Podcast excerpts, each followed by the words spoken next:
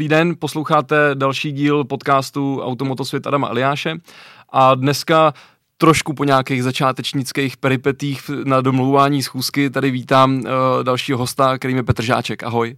Dobrý den, ahoj. Petře, uh, chceme se k tomu nějak vracet, proč tady vlastně dneska sedíš sám a proč je to až druhý termín, protože ty za to vůbec nemůžeš, že jo, samozřejmě.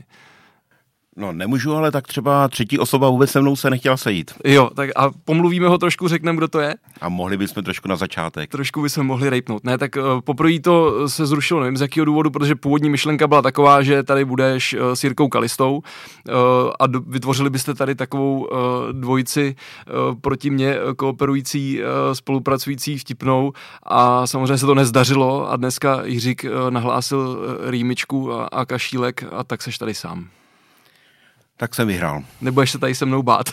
ne, nebudu. to je dobře. Uh, vy všichni, co znáte Petra, tak asi není třeba ho úplně nějak zásadně představovat, protože uh, závodí v autech do vrchu v takových, uh, řeknu, hodně specifickým autě, ne úplně často výdaným u nás, ale kdyby ty se měl představit někomu, kdo tě nezná, tak kdo je Petr Žáček? No, Petr Žáček je ten, co jezdí vrchy s nevrchovým autem, který na trati asi nejvíc žlutobílý, a jedná se o Audi Sport Quattro S1. Hmm. Petře, já tady přeskočím takhle na uh, fotku toho auta, uh, kterou teda posluchači na podcastu, který nás poslouchají, samozřejmě nevidí, takže na té fotce prosím vás je Audi Quattro S1. Petře, jak, uh, jak takovýhle auto vzniklo, jak se vůbec k němu dostal, kde se v tobě tenhle ten nápad zrodil vůbec takovouhle věc mít? No, tak eh, nejdřív to začalo na závodech eh, na sněhu na autoscaring, kde za autem taháš eh, lyžaře, to je ano. Což a... je teda jako v mých očích jako velká bláznovina teda. No je to velká bláznovina, ani ne tak pro řidiče jako pro toho lyžaře, protože to jsou kluci, který druhý den jdou do práce a nechají se tahat za autem na sněhu na silnici, která místy je sníh, místy není sníh, někde to je vydřený. Každopádně patří můj obdiv k ním a tohle to byla oblíbená disciplína eh, kolem Kozákova na Semilsku a tohle to auto je na fotce to první, který vzniklo za účelem vyslovně závodu na sněhu. Jo, uh, ten autoscaring, on se tam tu historii na tom Kozákovi to má poměrně dlouhou, že jo? Já myslím, že tam už to sahá dokonce ještě z motoscaringu po válečný období. Eh, ještě byly hory horama a všude bylo sněhu dost tak se to tam jezdilo nejdřív, myslím si, dokonce na Semilském náměstí, že jsem viděl nějaké fotky. No a v novodobí době se to přesouvalo na louky, kde pořadatelé zodpovědně připravili trať, tak aby se tam mohlo závodit. Poslední roky jsou na sníh trošku chudčí, takže myslím si, že dva, tři roky se to téměř nejelo. Hmm.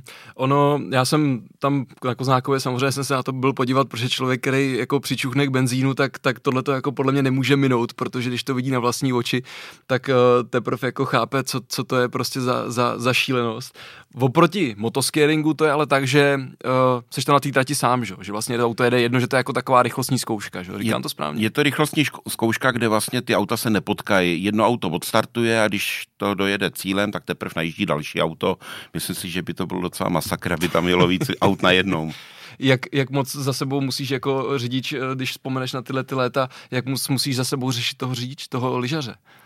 Tak jenom tak, abys mu neutrhnul ruce. Jo? V podstatě e, záleží na zdatnosti e, lyžaře a jaký ho máš. Já první závod se Skeringem jsem měl s rodinným Hyundaiem e, Santa Fe, který měl opravdu ještě v automatu, takže ten záběr měl takový a lyžař byl trošku v letech, takže jsme vždycky skončili na to, že jsem se mu vyškubnul a dojel jsem bez lyžaře Později ty lyžaři byli opravdu sportovci, který se dokázali udržet, takže jsem na ně nebral ohled. Prostě se udrží nebo neudrží.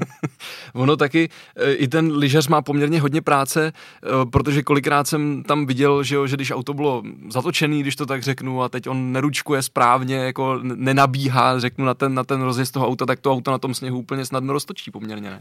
Mnohdy ten lyžař ti pomůže zatáčet se tak, že tě podrží ve smyku, hmm. tak, aby si mohl je pořád naplno a přitom auto mířilo tam, kam potřebuješ. Hmm, hmm, hmm. Tak to je, jak dlouho se s tomuhle tomu věnoval? Já si myslím, že tak tři roky. Hmm.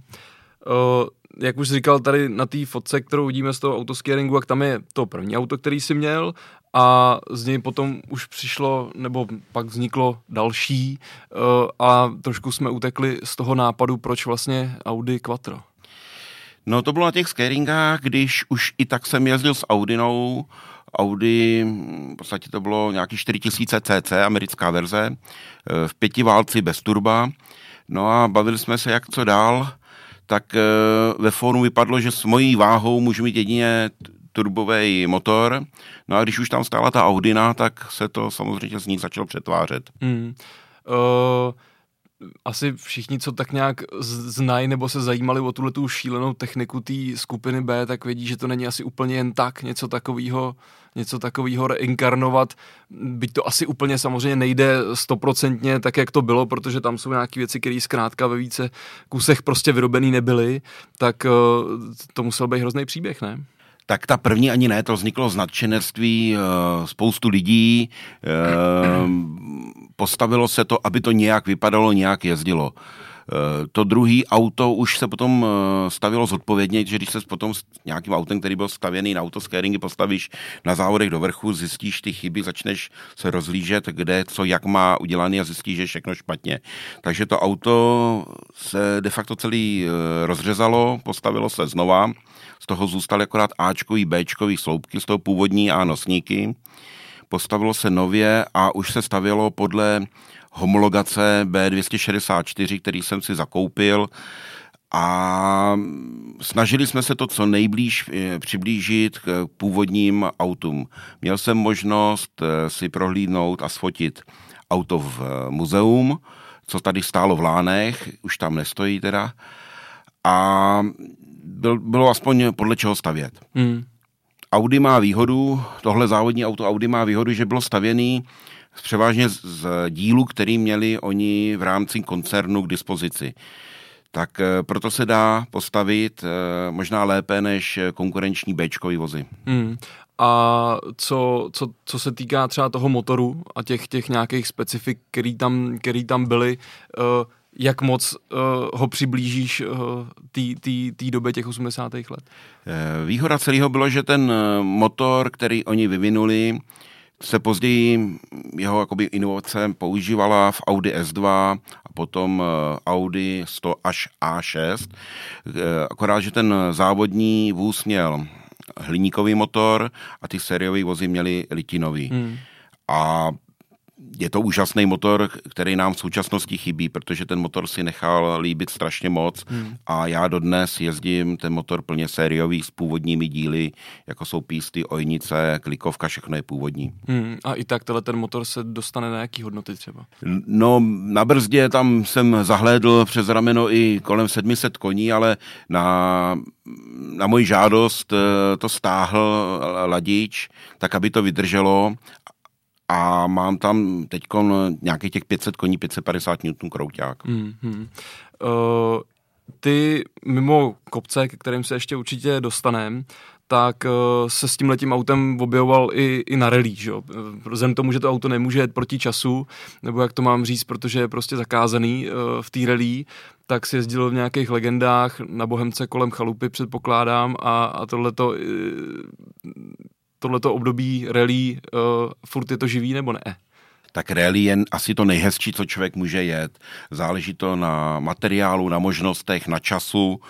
Eh, a tím jsem vlastně i odpověděl, proč to nejezdím. Hmm. Na, jedna rally mi vydá možná jako dva, tři roky na vrších. Hmm, hmm, hmm ale uh, přece jenom vzpomínka na, na, na Bohemku domácí, ještě v těch legendách, když to tak řeknu, se jede trošku jako po staru, že, jo, že, že si ten servis uděláš uh, pomalu, kde chceš, nebo si zajdeš domů něco opravit. No tak eh, samozřejmě první Bohemku jsem měl 2009 a tam jsme opravdu jezdili po garážích a různě uh, posvařovali, uh, co nám kde upadlo, že to bylo ještě s tím prvním hmm. vozem.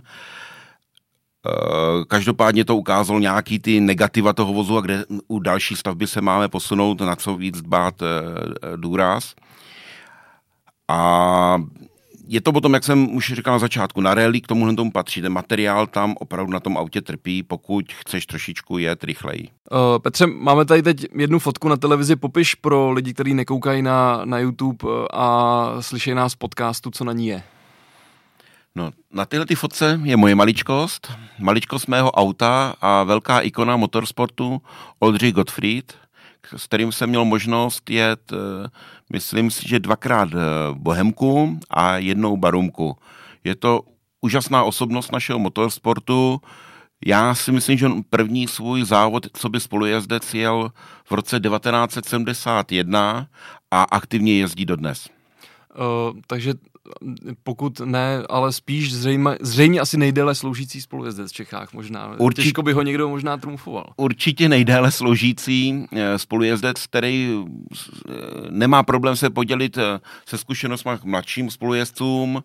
Je to úžasný pedant, profík, který si nechce uříznout ostudu, že by jezdec s ním jel pomalu pojde k němu nějaká příhoda, tyhle ty chlapy toho mají většinou za sebou tak strašně moc, že, že uh, k tomu přistupují Jo, Už řeknu tak... velmi, velmi zkušeně a trošku i uh, zábavně možná, nevím.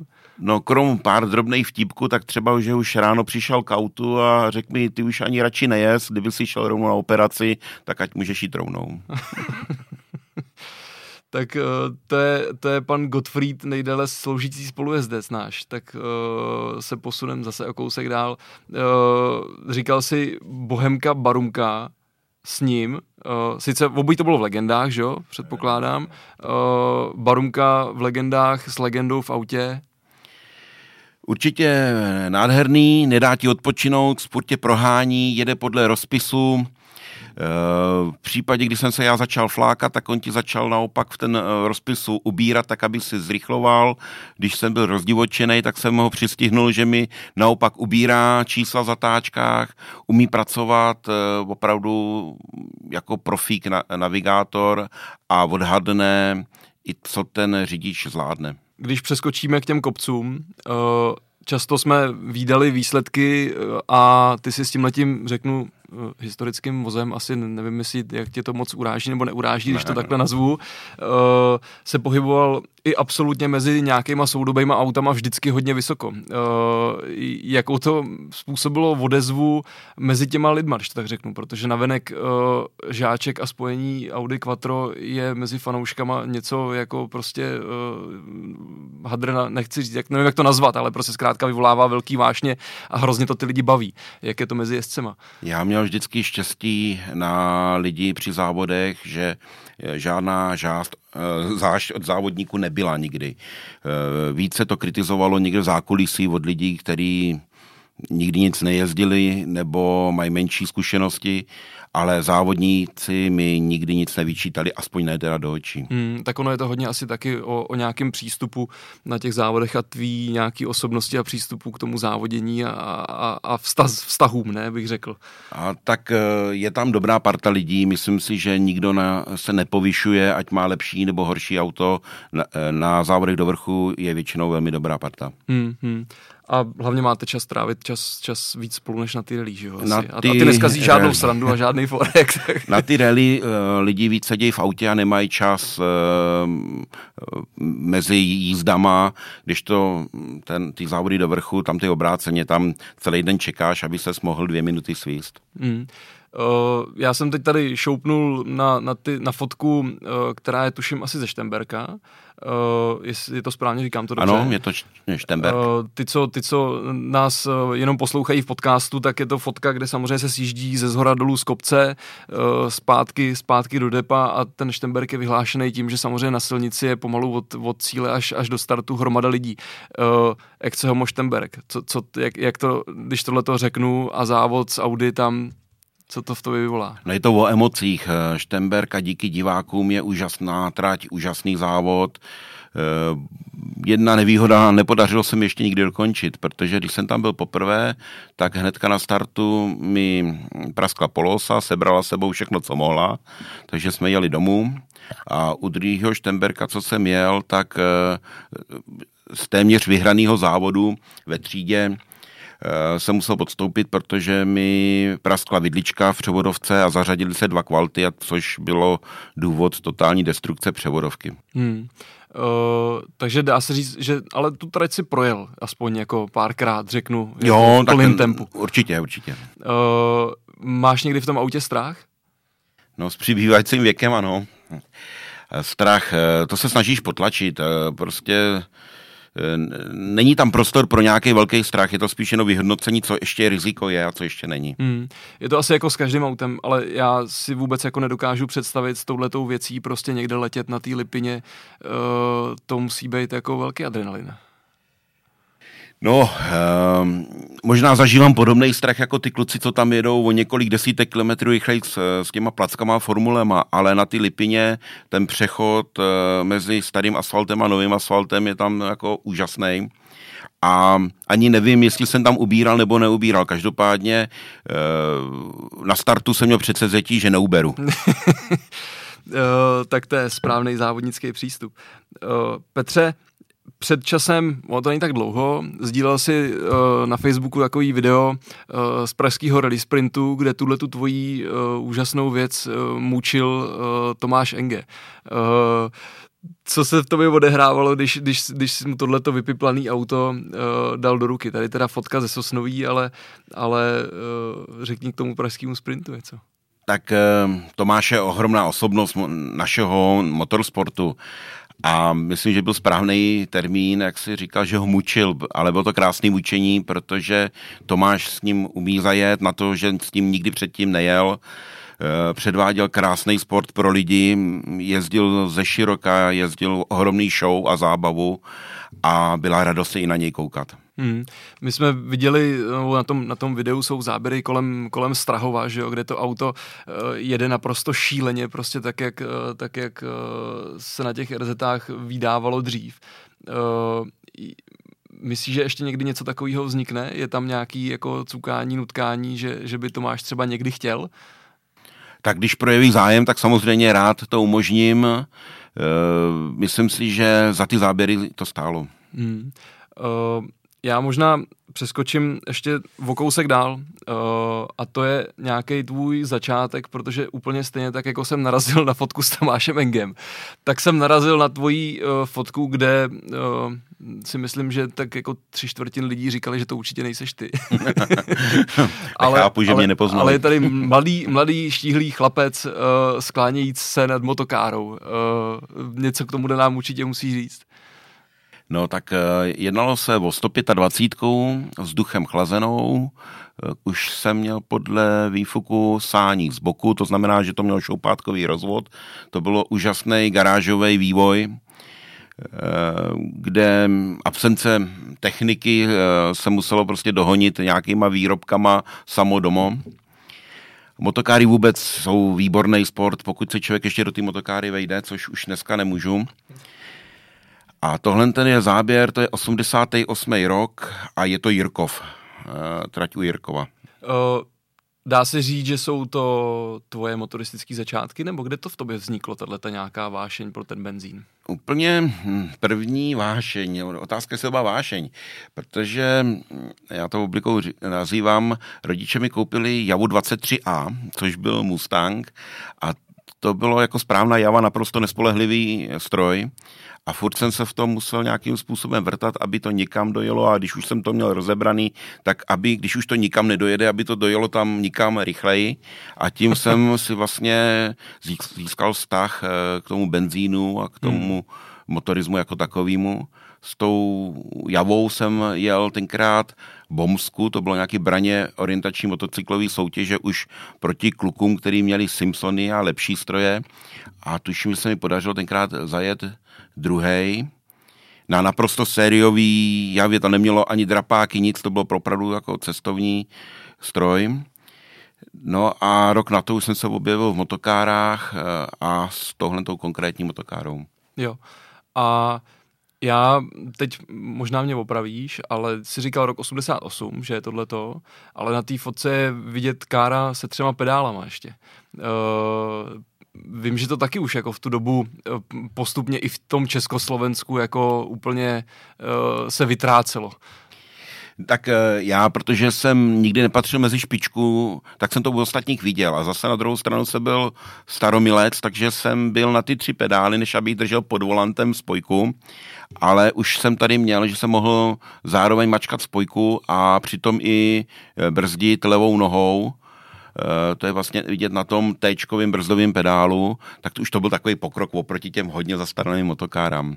Jo, uh ono asi není na tom nic špatného, přece jenom na třech pedálech ještě Milan Šimáků zajel, zajel titul mistra Evropy v roce 80, ale takže ono to asi jde, ale už tehdy si pamatuju, když jsem s ním mluvil o nějakých zážitcích a historkách, tak tak uh, když jsem jezdili Švédi a já nevím, co možného na tyhle ty velký závody, tak už tehdy měli právě jenom dva pedály a, a říkali, že to strašně spoří čas. Co ti ty káry dali, jak dlouho se s tomu věnoval? No, do vojny jsem se tomu věnoval, takže taky krátce, co mi dali, spíš co mi vzali, spoustu materiálu, protože to byla se zetka a používal jsem tenkrát dostupný materiály jako ojnice a písty ze zetky, které už tehdy nebyly úplně valné kvality, takže já jsem eh, největší spotřebu měl louhu, protože mezi rozíškama se louhoval hliník z válců, protože to byl zadřený po případě jsem ještě byl odborník na zvědavý ojnice, který vykukovali různě z bloků. Ty motory v mým podání eh, byly nespolehlivý.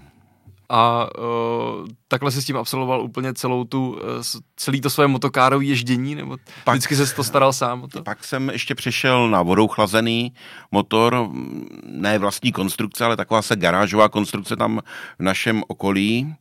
Eh, který eh, sice jako eh, zvýšil spolehlivost, že se nezadíral, ale ty ojnice tam zůstávaly pořád ty, ty zetkový a ty opět jako ukončili moji kariéru ježděním. Ty jsi tady předtím, než jsme začali natáčet, tak uh, jsme si ještě povídali a zmínil si tady jednu věc, která mě zaujala. Uh, že si někde po revoluci uh, vyrazil za kamarádem na mhm. nějakou jachtu a řekl si, já jsem se věnoval jachtingu. Řekni mi, prosím tě, jak se takový člověk věnuje jachtingu, jak k němu přijde.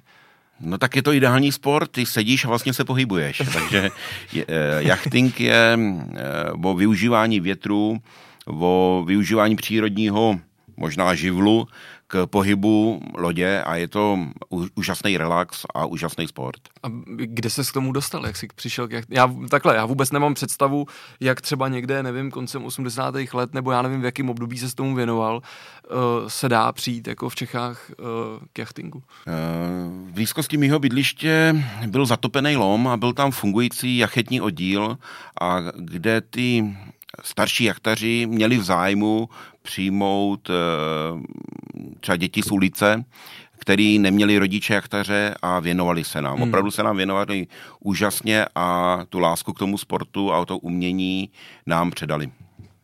To je uh, hrozně takový hezký. Já nepřemýšlím, co, co, co ten jachting, jako zase mi to přijde taková jako disciplína, která je úplně uh, asi je něco jiného jezdit na zatopeném lomu a, a pak někde prostě vyrazit jako na moře nebo něco, ale, ale i tak jako uh, tvoje definice toho, že sedím a pohybuju se, mně přijde, mně přijde jako hodně, hodně zkreslená. No tak eh, samozřejmě, když se potom dostaneš na závody, tak je to zase o čase, stejně jako u toho motorsportu, je to o využívání techniky, o drobným doladění, trimování plachet. Ehm, musí člověk u toho trošku přemýšlet tak, aby jel rychle. Tohle ti vydrželo jak dlouho ten jachting? Nebo ještě jacht, jacht, jachtíš, jachtaříš? Jak no, říká už správně? Eh, časově to nedávám. Já myslím, že jsem s jachtingem přestal, když jsem začal stavět barák, že jsem se musel věnovat uh, stavbě baráku, pak několikrát jsem si skočil ještě na moře jako s kamarády a jak jsem začal závodit, tak už uh, jsem se na plachetnici dostal. Ten přechod závodění, jak říkáš, uh, že jsi začal závodit, co, co je pro tebe to, že jsi začal závodit? No, závodění na různých úrovní. Jedno, jestli jedeš mistrovství Evropy nebo mistrovství světa nebo amatéry, když se tomu chceš věnovat a chceš tam něco trošičku dokázat, tak eh, si jedeš to svoje mistrovství světa, ať je to eh, ten nejpodřadnější závod. A aby se ho zajel správně, aby měl správnou techniku a připravenou techniku, tak tomu začneš věnovat spoustu času a tím pádem odpadá možnost si na víkend dojet někam zaplachtit. Jasně. A uh, obdobím to je, když to zařadíš, já se snažím tak nějak jako jenom uh, zmapovat ten tvůj vývoj a ty skoky v těch sportech, jo. Řekneš tadyhle jachting, káry a potom ne, vlastně tak... už je rovnou Audi, nebo, nebo tam bylo nějaký období, kdy prostě, že jo, také jsi asi věnoval nějaký firmě, rodině, barák si stavěl, si říkal. Jachting ale to jenom vydržel do nějakých 35 mm-hmm. určitě aktivně. Jasně. A potom řeknu v tom motorsportu, tak je to opravdu jenom to období, že si jezdil motokáry a pak už si seděl Ne, ne, ty motokáry byly takový období, že jsem to ještě stíhal s tím jachtingem. To ještě bylo za dob socialismu, takže bylo víc času. a uh, pak už teda jenom ty auta. V momentě, kdy jsem sednul do auta, tak eh, veškerý koníčky šly stranou. Mm. Uh, vyprávěl jsi tady takový hezký příběh taky na začátku o tom, jak si jednou jedinkrát koupil ženě auto a pak byla taková ta závodnická, závodnická poznámka, pak jsem začal stavět závodní auto. No tak svým způsobem to vypadá jako, že to byl odpustek, že budu uh, směřovat uh, tok peněz jiným směrem, ale ono to v podstatě možná i tak bylo, ale Eh, byla to souhra náhod, eh, to auto bylo tenkrát nádherný, strašně se mi líbilo. Manželka tenkrát eh, měla výročí a neměla auto, tak jsem to auto pořídil, ale v souběhu už se stavělo to druhý Audi, to správný, takže mi nemohla tolik vyčítat. takže krásný, krásný odpustek, jak říkáš. Ale manželka s tebou jezdí po závodech, že jo? takže asi, asi to taky trošku baví, ne? Když má čas, tak se mnou jeden, ze začátku samozřejmě nechápala, co tam děláme na těch závodech, proč to děláme a myslím si, že čím častěji se mnou je, že vnímá tu partu na těch závodech a Eh, že se jí to snad i líbí. A tak to je taková ta klasika, že jo. Eh, proč ti volá tenhle ten a tenhle ten člověk, když jste spolu teď tři dny byli na závodech? to jste se tam neviděli, nikdo si neřekli. Nešel jsem na to já osobně teda ještě jako odpověď doma, eh, proč, jak bych tohle dokázal, dokázal vysvětlit. Tak možná, že manželka sebou na závodech jako tomuhle pomáhá, říká. Já myslím, jo? že už to i chápe prostě, že jsme na těch závodech neměli čas si všechno říct. Jasně, i když teda jako tři čtvrtiny dne samozřejmě strávíte na jednom, na jednom ano, ano, ano. na těch kopcích. Uh, kde tě můžeme výdat uh, aktuálně, byť tato letošní sezóna je taková uh, prapodivná, tak ale do závodu se docela odjelo. Já myslím, že se odjelo všechno, co bylo plánované, protože už nám chybí odjet pouze Brno, který mělo být jako první uh, závodní uh, jako víkend takže se přesunul na poslední závodní víkend a jinak všechny závody, které byly v plánu v rámci seriálu, který teď jedu, tak všechno se splnilo. Ty jedeš uh, Maverick Rescue Eurocup, řekl jsem to správně? Ano, název? ano. Uh, to je šampionát, který vyrost, řeknu, za poslední roky poměrně zásadně, i co se týče nějaký konkurence a, a těch věcí. Je to hezký závodění? Já se tam cítím dobře. Je to hezký závodění, je to o pořadatelích, o partě závodníků a o tratích. Uh, jakou trať z tohoto seriálu máš úplně nejradši? No já řeknu, kterou nemám rád. Jsou to diváky, kde jsem byl třikrát a letos jsem poprvé tam neboural. Ale uh, ten Maverick má, střídá té tratě a asi nejhezčí atmosféra je na náměstí, která se jede uh, vlastně současně s republikou. A tam jsou úžasní fanoušci úžasná atmosféra a ten pořadatel si dá tu práci, aby se tam člověk cítil jako opravdu na závodech. Hmm. Tak uh, tam to asi vychází i z toho, že, že přece jenom ta rodina, co to pořádá uh, v kombinaci s Alešem Gansdorfrem nějakou podporou a tohle, tak tím kopcem a poměrně všichni žijou. Asi. Já myslím, že s tím, že celá rodina hmm Eh, můžeme asi říct, že to je rodin, rodina rybníčků, kteří to tam asi pořádají. To není není, slovo. Asi to není zakázané slovo. Eh, že vlastně pan Rybníček star, starší je v kopcové komisi při automotoklubu a Marek aktivně závodí, eh, vlastně jede i Evropu a jede i vlastně mistrák České republiky. Uh já bych u té náměšti ještě zůstal, jo. Když už tady padlo to jméno, který jsme se shodli, že není zakázaný, tak já vím, že třeba Marek Rybníček mi to určitě odpustí a on hlavně možná bude asi i rád, když to řekneme, tak uh, nejenom na závodech je vždycky centrem takového nějakého dění, zábavy, vždycky, když vytáhne svoje nějaký úkul nebo nějaký jiný další nástroj. Už se s tím letím taky potkal, s tím letím fenoménem jeho uh, komedianským. Setkal jsem se s tím dvakrát. Jednou, když jsem jel Českou trofej, tak na závěrečném vyhlášení. A po druhý v divákách, kdy jsme zpívali Vánoční koledy. Vánoční koledy v divákách, to je docela ještě jako brzo, nemyslíš? No, tak oni tam mají vánoční strom, takže jsme se sešli u vánočního stromu a tam se zpívali ty koledy neuvěřitelný. Já teda, jako ty říkáš na vyhlášení třeba, jo, ale já, já nerozumím tomu, eh, všim si někdy toho, že když třeba jako jde na vyhlášení, tam taky vytáh tu, tu uh, teď jsem to říkal, ukulele. ukulele. No tak nenesi ji sebou na bednu, ale vlastně uh, po vyhlášení, když už byl ceremoniál ukončený, tak uh, vytáhnul ukulele a bavil s tím. Takže lidím. on to prostě cíleně stejně vždycky plánuje a někde to má sebou schovaný a Já pašuje si myslím, to. že ano. uh, Vrátím se ještě k divákům. Říkal, že to je tvůj nejmíň oblíbený závod, že jsi za poslední tři pokusy jenom jednou dojel. Čím to? Ne, dojel jsem vždycky. Ale Vidět neboural, tak. Uh, když jsem dojel poprvé, tak auto leželo na pravém boku, dopadlo na kolo a pokračovalo v jízdě. Eh, když jsem to jel po druhý, tak jsem se vracel na trať po svodidlech, zase na druhé straně. No a letos poprvé jsem to dojel, aniž bych cokoliv škrábnul. Uh, a je to myslíš jako tou tratí, nebo čím to je? Já ty diváky jako znám jenom z pozice spolujezdce při hustopečích, kdy po té trati se jede relí, že jo, částečně, takže vůbec a za volant samozřejmě já jako, nechci říct, nepatřím, ale, ale, ale vůbec nevím, co to tam obnáší nebo neobnáší. Abych ty diváky nepomlouval, je, je tam úžasný zázemí, eh, obec nám jde opravdu na ruku, to je na tom krásný. Trať je velmi rychlá, velmi klikatá, kde jezdíš úseky, kam nevidíš, vlastně pod plným plynem a je tam hodně eh, nerovností, eh, který, s kterými musíš počítat, že se stane a když jsi prostě namotivovaný, tak eh, občas ti to o pár centimetrů nevíde. A ještě další věc je, že je to poslední závod většinou, a ta trať už bývá chladná, takže hmm. používáš pneumatiky celý rok, ta trať už není úplně e, v kondici, pneumatiky taky nejsou v kondici a prochybuje naděláno. Hmm. Uh když takhle to svoje krásné Audi někde obušíš, je to ještě furt, řeknu, taková ta stará škola, že tomu těm autům, nebo tomu autu tolik se jako vydrží ty rány, takhle zkrátka? Je to úžasně bytelný auto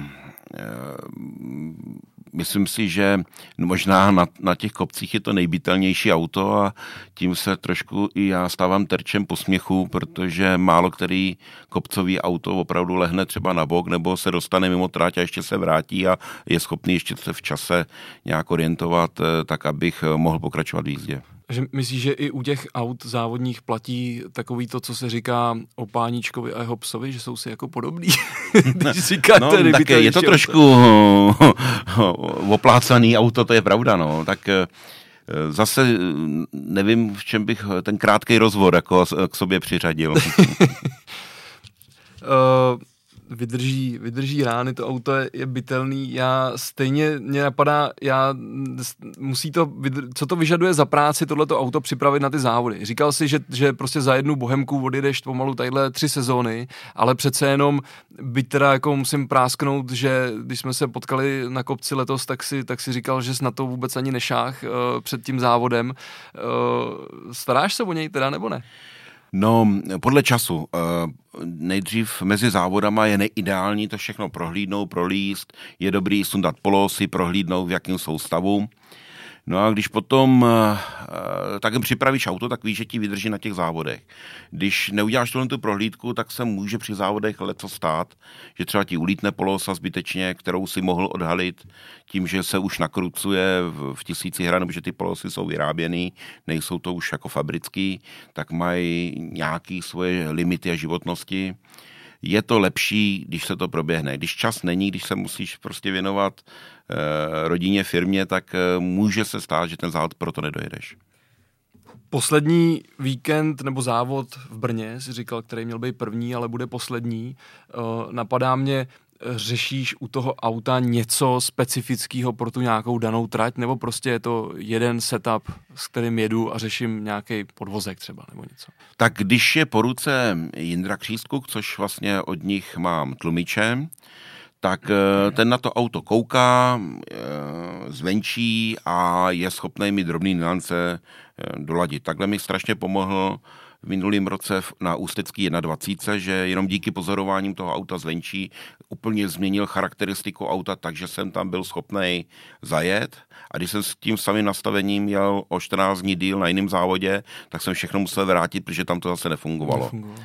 Takže je dobrý si všímat, jak to auto se chová, ale já spíš jsem takový, že se k tomu přizpůsobím že to auto si načtu a přizpůsobuju se k autu. A to není ale ta správná cesta k cíli. Mm, k tomu rychlému času. K tomu rychlému času. Tomu pomůže opravdu drobný diance na tlumičích, na nastavení podvozku.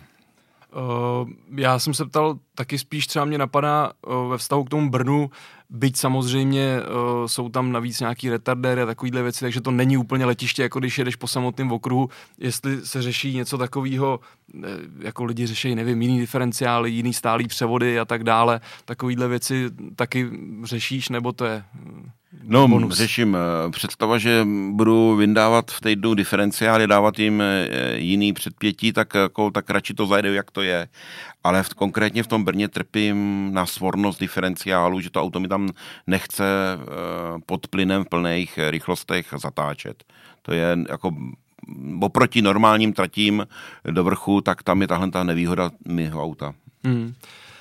Uh, máš nějaký sen závodnický, něco, co by si, co by si hrozně chtěl?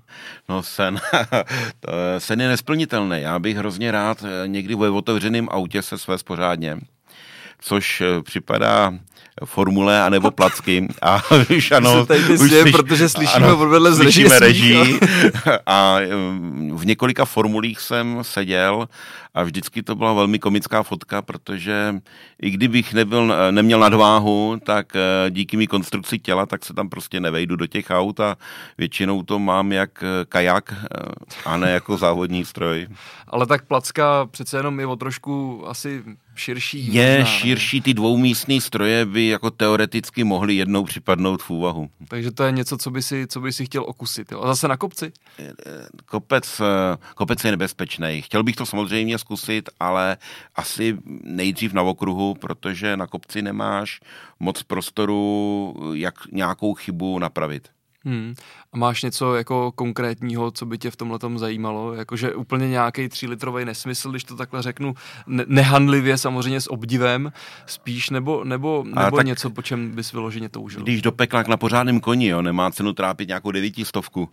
Uh, líbí se mi auta z dob, kdy mám Audi, no líbí se mi prostě osmdesátky, líb, uh, jako ročníkově, líbí se mi starý Formule, líbí se mi Metalexy, líbí se mi různý monoposty PRC, hmm. nemám vyhraněný vkus na tohle a obávám se, že já jediný, kam se vejdu, tak do Audiny nebo do Bagiry, nikam jinam.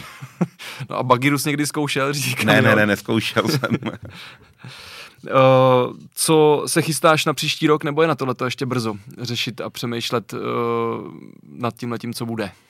Já každý rok končím uh, se, se závoděním a uh, na jaře teprve to zase začnu obnovovat ty myšlenky, kam pojedu, ale v současné době prošel jsem spoustu seriálů. Prošel jsem Eda Cupem několik krásných let, pak jsem přešel na Moravu na ten Maverick Eurocup, Eh, jel jsem rok a půl i v český, s českou trofejí a kam to spěje. Není moc velký posun, kam s tím autem můžu jet, kde můžu závodit.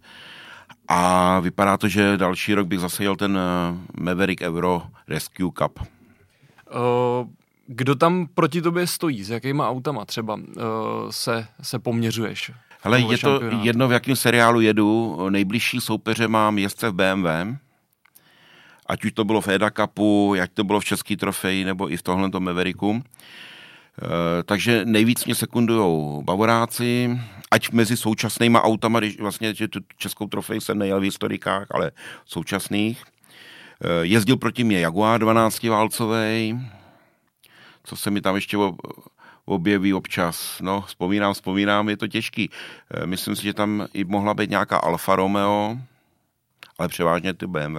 Hmm. A bavoráky různých, různých věků teda asi, protože to je takový jako nej, řeknu, eh, nejpočetnější nářadí asi stejně na tom Nejpočetnější kopci, nářadí na vrchu uh, ve dvou kolkách. Hmm, hmm. A z těch čtyřkolek takhle, ty seš, já se na to ptám, protože ty seš stejně i na tom kopci s tou čtyřkolkou prostě takový unikum uh, v této kategorii, nebo to tak není? tak um, není to v historikách, ale mezi současnýma autama tam byly ještě nějaký Mitsubishi, tuším. A když se časově porovnávám, tak uh, za, víc závodním s těma myšákama dnešníma, než teda s těma bavorákama uh, uh, historickýma. Jasně. Takže takový, ty si hledáš tu třídu svoje na, na příštím závodním polem. Ne, tak třeba letos uh, jsem se jako porovnával, byl to takový sranda, sranda souboj, že Uh, úplně náhodou se na závodech objevil nějaký Michal Žáček, který vůbec nejsme příbuzný, jezdí samozřejmě z BMW, jezdí velice dobře, takže jsme se špičkovali a porovnávali jsme si časy mezi sebou, takže znáš mě, tak si dovedeš představit to špičkování, jak vypadalo, ale byl to takový nepsaný závod mezi náma dvouma. Jasně. Napadá mě možná ještě eh, srovnání teď eh, na posledním závodě v divákách. Markovi Rybníčkovi uh, odešla ta Fabie, kterou, s kterou jezdí standardně a končil Vyškov akorát, tak z Vyškova mu tam vyskladnil uh, Karel Trněný uh, Fabii VRC. Já nekoukal jsem na to, upřímně řečeno, ale ty to určitě víš. Jak, jak třeba jste jeli proti sobě v tomhle? S tou, Marek byl určitě rychlejší s tím VRCčkem. Byl určitě rychlejší. Na to, že s tím neměl možnost trénovat a podobně, smekám, jak zajel. Super. Tak uh, já moc děkuju za rozhovor. Jsem hrozně rád, že jsi sem přijel, byť teda uh, jsme tady neměli toho druhého účastníka, který, který někde smrká uh, doma do kapesníku, tak si myslím, že to rozhodně uh, nebylo, nebylo chučí. Takže moc děkuji, že jsi dorazil. Já děkuji za pozvání a děkuji všem.